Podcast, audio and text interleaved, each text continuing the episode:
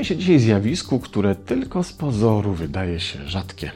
W rzeczywistości doświadczamy go bardzo często ze strony wielu ludzi i w jego efekcie nie do końca wiemy, jak się zachować, co powoduje, że grzęźniemy w jego przykrych skutkach jeszcze bardziej.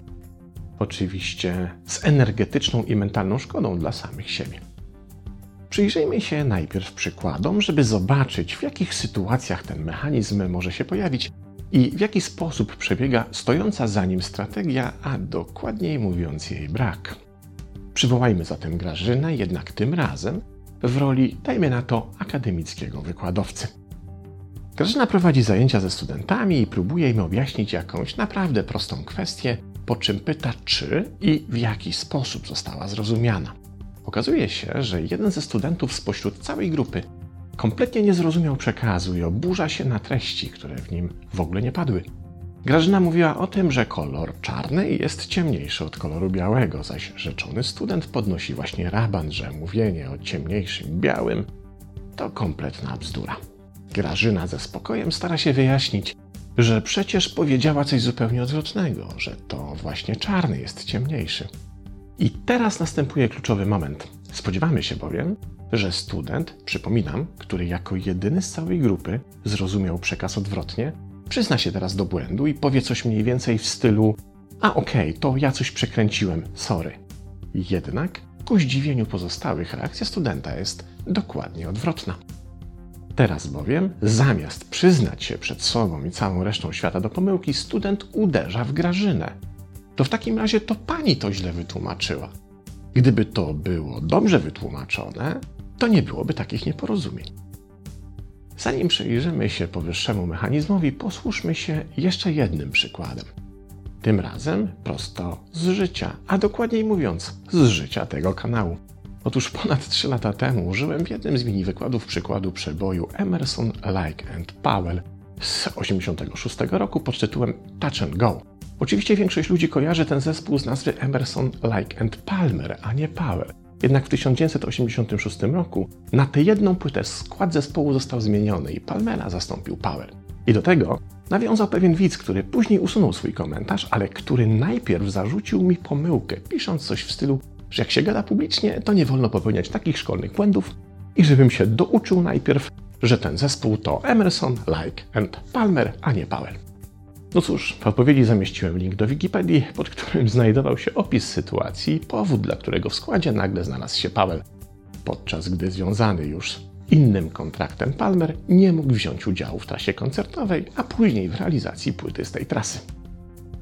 Spodziewałem się prostej odpowiedzi, czegoś w stylu: O, dzięki za info, nie wiedziałem tego, mój błąd.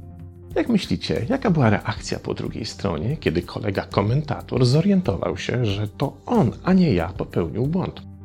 Otóż napisał coś w stylu: I co, lepiej się poczułeś, kiedy mnie pouczyłeś? Czy dostrzegacie wspólny mianownik tych dwóch przykładów? Reakcji studenta w stosunku do Grażyny i pana komentatora do mnie? Otóż łączy je tak naprawdę charakterystyczny zabieg, który można porównać do sytuacji, w której grasz sobie z kimś w szachy. W momencie, w którym wystarczy już tylko rzut oka na szachownicę, by się zorientować, że wygrywasz, twój przeciwnik nagle zmienia reguły gry. I okazuje się, że to już nie szachy, a warcaby. Teraz dotychczasowe ruchy figur podlegają już innym zasadom, zaś wszystko, co do tej pory zostało na szachownicy wypracowane, przestaje mieć znaczenie. Możemy zadać sobie pytanie, dlaczego w takiej sytuacji przeciwnik zmienia reguły gry? Odpowiedź jest prosta. Po pierwsze, dlatego, że uświadomił właśnie sobie, że w dotychczasowych regułach już przegrał. Po drugie, dlatego, że to jedyny sposób na obronę swojego ego, dla którego najgorszym z możliwych cierpień jest przełknięcie gorzkiej pigułki utraty twarzy. Zatem będzie próbowało ratować tę utraconą już twarz na wszelkie możliwe sposoby. Na przykład przekierowując odpowiedzialność, czyli de facto obarczając winą swojego rozmówcę miast siebie. Publiczna kompromitacja powoduje, że ego za wszelką cenę będzie się bronić i przerzuci całą winę na drugą stronę. Podjęcie zaś w tej sytuacji jakiejkolwiek dyskusji powoduje, że prędzej czy później pojawią się argumenty ad personam, bo celem już nie jest uzyskanie racji. To zresztą nie jest już możliwe, bo wydało się, po czyjej stronie jest racja i nie da się tego podważyć. celem jest teraz sprawienie, by druga strona gorzej się poczuła, by jej było przykro, by nie była taka zadowolona z siebie. Tutaj zaś na arenę działań wchodzi bilans energetyczny, o którym już zdaje się kilka razy przy różnych okazjach opowiadałem.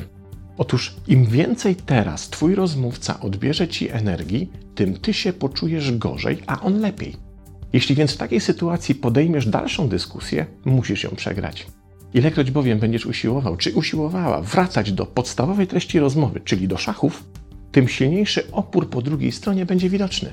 Ta osoba już gra w warcaby, a o szachach nie chce już nawet słyszeć.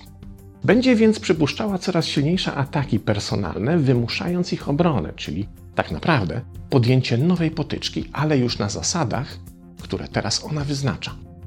Wystarczy teraz, że dasz się naciągnąć na taką wymianę zdań, już w nowych zasadach, a będzie to dla drugiej strony ukonstytuowaniem Twojej własnej akceptacji na przyjęcie tychże nowych zasad. Takiej walki nie da się już wygrać, chociażby z jednego prostego powodu. Otóż od tej pory druga strona dysponuje już nową, sprawdzoną strategią, na którą się właśnie zgodziłeś, która polega na zmianie zasad w momencie, w którym pojawi się najmniejsza zapowiedź przegranej po jej stronie. Bo jeśli ktoś raz zmienił zasady gry, a ty na to przystałeś czy przystałaś, to właśnie nauczył się, i to niestety od samej czy samego ciebie, że takie manewry są dozwolone, więc będzie je stosował tak długo, aż się poddasz. W ten sposób ochroni swoje upokorzone ego i odbierze ci dostatecznie dużo energii, by samemu poczuć się lepiej. Niestety, Twoim kosztem.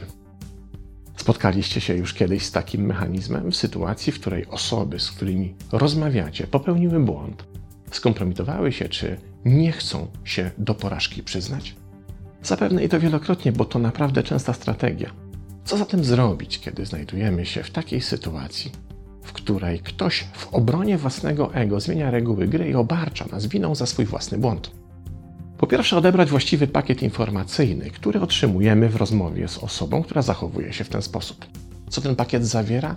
Ano całą masę informacji na czyjś temat, takich jak brak umiejętności radzenia sobie z emocjami, deficyt w zarządzaniu ego, przerost mechanizmów obronnych, których natężenie skrywa nadmierny lęk o bezpieczeństwo.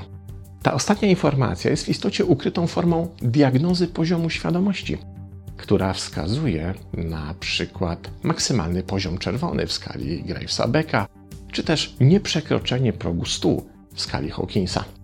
I te informacje pozwolą nam w prosty sposób zweryfikować, czy podjęcie jakiejkolwiek interakcji z taką osobą ma dla nas najmniejszy sens. Chociażby z punktu widzenia zazwyczaj w takich wypadkach ujemnego bilansu energetycznego.